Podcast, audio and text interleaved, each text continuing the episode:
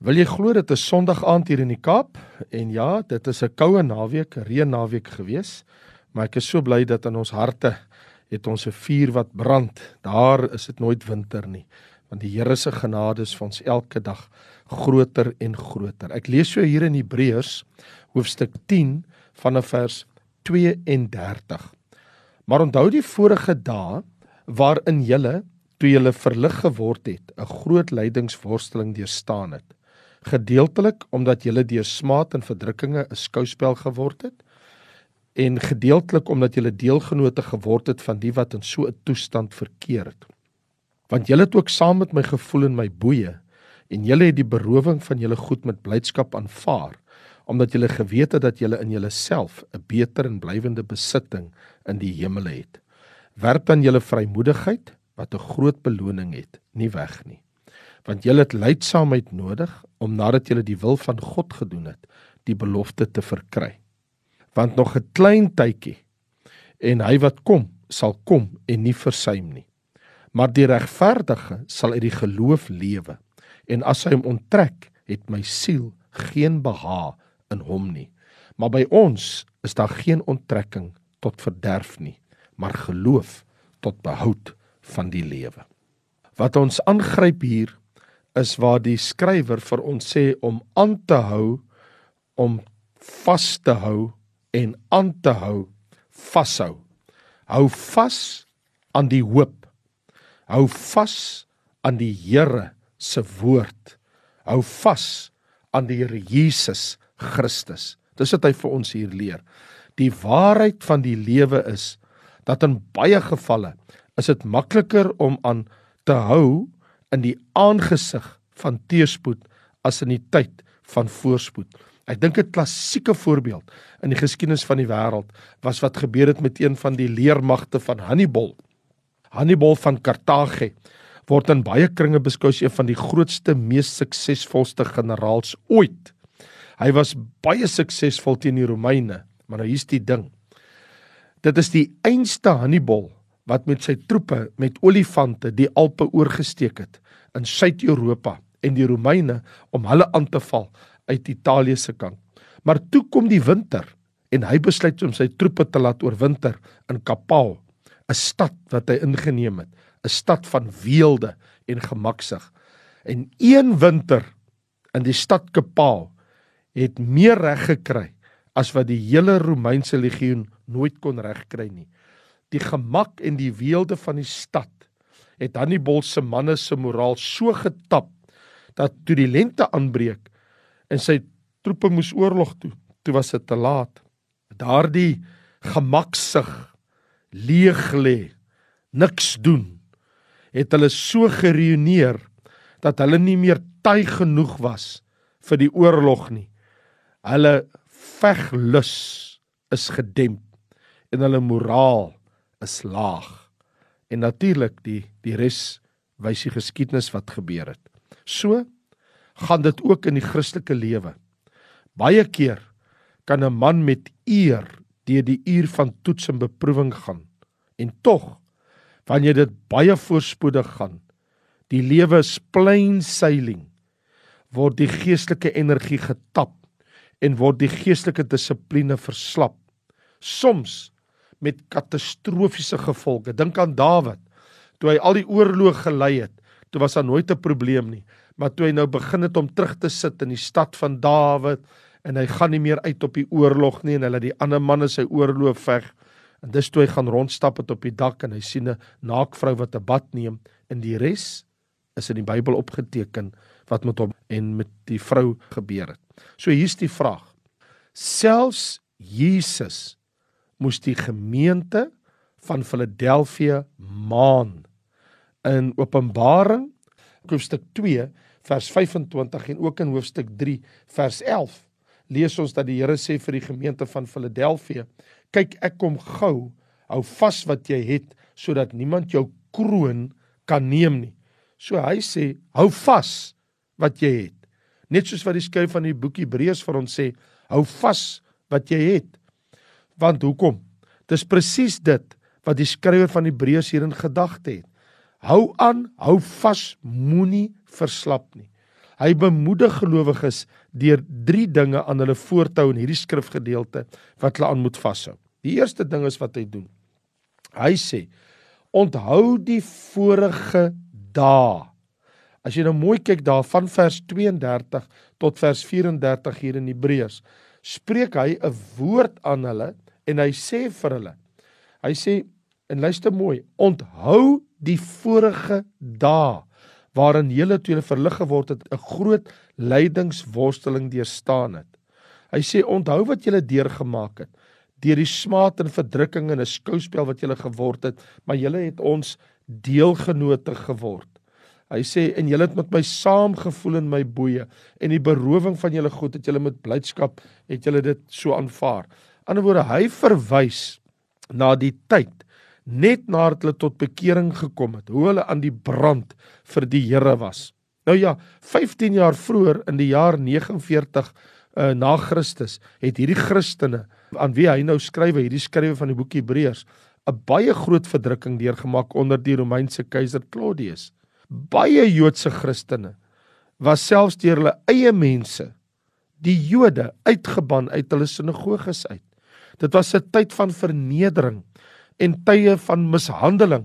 Soos hy sê in vers 33, julle het 'n skouspel geword en hy sê onthou die vorige dae, onthou jou jou pad wat jy vandaan gekom het. En die woord skouspel wat hy hier gebruik in die oorspronklike theatriso beteken letterlik 'n teater want dis waar ons die woord teater vandaan kry. Nou julle almal weet wat gebeur in 'n teater. Dis soos 'n skouburg. Dis 'n teaterspel, dis 'n skouspel. Mense kom kyk en hulle het kom kyk hoe word hierdie Christene mishandel en hulle het gedoen in die groot amfitheaters in hulle 10000de het hulle kom kyk hoe die Christene vir leeu's gegooi was en hoe hulle um, moes geveg het met gladiators. Christene weet wie hulle by Jesus skaar sal soos Christus bespot en mishandel word. So ongeag en ten spyte daarvan verstaan Christene en is hulle gewillig om aan te hou en vas te hou aan die Here Jesus Christus. En hulle identifiseer hulle self as Christene, ons as kinders van die Here met Jesus in 'n wêreld wat nie wil hê dat hy moet koning wees nie. Dis is Christene die prooi vir verbale mishandeling, bespotting en publieke skande en in baie gevalle word hulle fisies mishandel en in baie ander gevalle sterf hulle selfs vir hulle geloof. En wat hier gebeur is Christene voel vir medegelowiges, veral vir die wat ly ter wille van hulle geloof, soos ons sien in vers 34. Hy sê en omdat julle met my saam gevoel het in my boeye, sê hierdie skrywer van die boek Hebreërs aan hierdie uh, Christene aan wie hy skryf. Nou vriende, in die eerste eeu het baie gevangenes in die tronk geen manier op oorlewing gehad nie.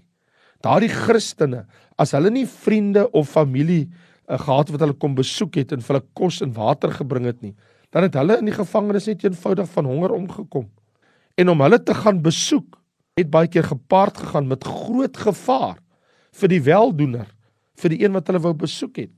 En nou sê hierdie skrywer wat dit betref in vers 34 die laaste gedeelte, en dat julle omdat julle geweet het dat julle in julleself 'n beter en 'n blywende besitting het. So ons weet dat die menslike neiging is om vas te hou so hard soos ons kan aan wat ons het. Laat my dink aan 'n advertensie in die FSA wat lei aan troeteldier eienaars dat jy jou geliefkoeste troeteldier kan vries droog vir tussen 5000 en 25000 rand in ons geld afhangend van die grootte van jou hond of kat of parakiet.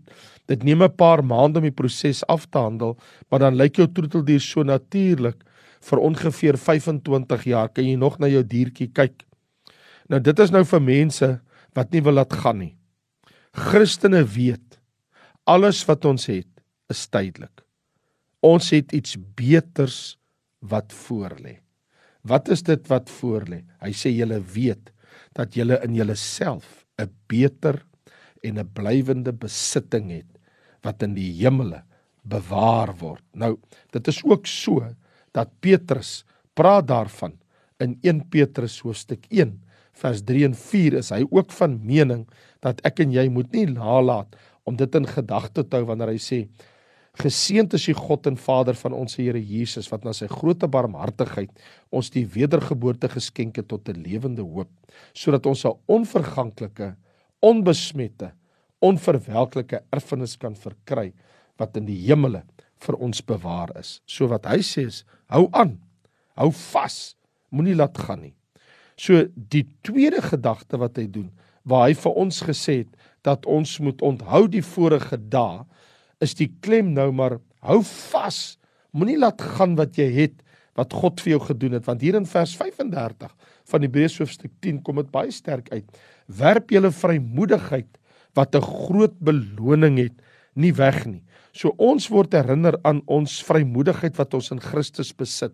Maar ons weet dit is 'n eskatologiese beloning wat ons kry. Ander woorde, daar's iets vorentoe wat vir gelowiges wag.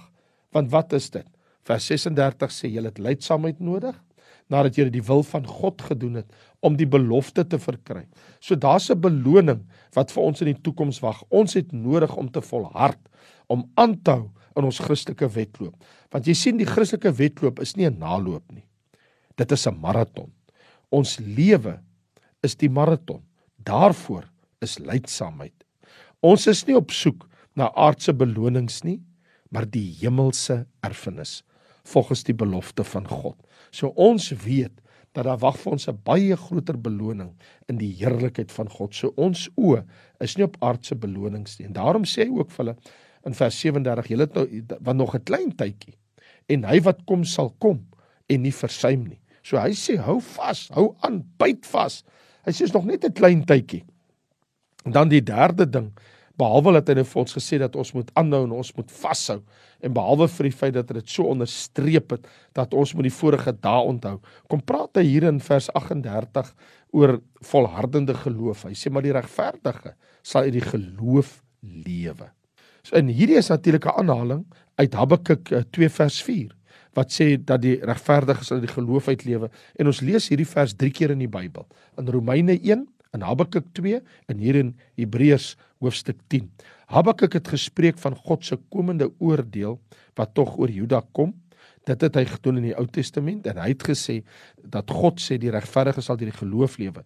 Die Hebreërs skrywer, hy spreek nou van die finale oordeel wat kom wanneer Jesus weer verskyn.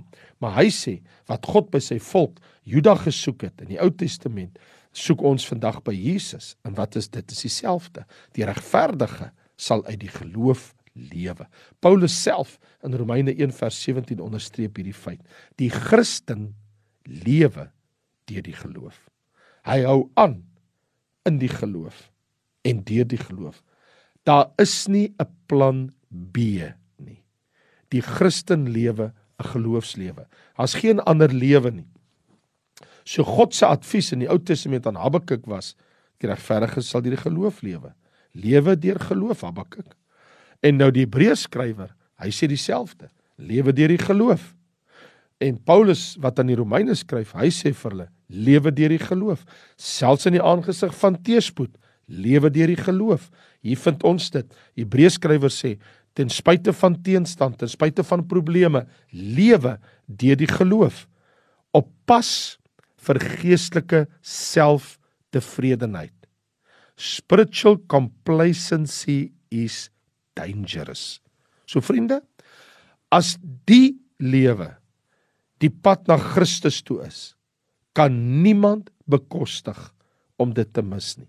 As die geloofslewe die pad na die hemel toe is, na die paradys en die heerlikheid van God, is dit die pad om te gaan. Daarom moet ons gelowiges volhard om Christus te volg in 'n wêreld wat vandag meer as ooit tevore 'n obsessie het met weelde, met besittings, met materiële dinge, maak dit nie saak hoeveel mense het hulle wil en wil steeds meer hê wat die kind van God betref. Ons moet ons verbly in Christus. Die geestelike skatte in hom wat nooit weggeneem kan word nie. Gelowiges vandag in baie plekke in die wêreld, hulle weet maar al te goed. Hulle behoort aan 'n minderheidsgroep wat geïgnoreer, verwerp en selfs vervolg word. Selfs hulle meester en Here, Jesus, word gelaster en sy goddelikheid word afgemaak. Maar gelowiges weet wat hom betref, word hy verheerlik. Dus die skrywer sê die regverdige sal deur die geloof lewe, maar hy het geloof tot behoud van die lewe. Dus die kind van God, die regverdige sal uit die geloof lewe. Geloof behoort en behou ons tot die lewe. My vriende, die skrywer aan die Hebreërs sê as ware vir my en jou vandag, hou aan in die geloof. Hy sê ook vir ons, kyk terug in geloof. Hy sê kyk op in geloof. En hy sê ook vir ons kyk na die toekoms in geloof. Soos ons in hoofstuk 11 vers 6 lees, sonder geloof is dit onmoontlik om God te behaag.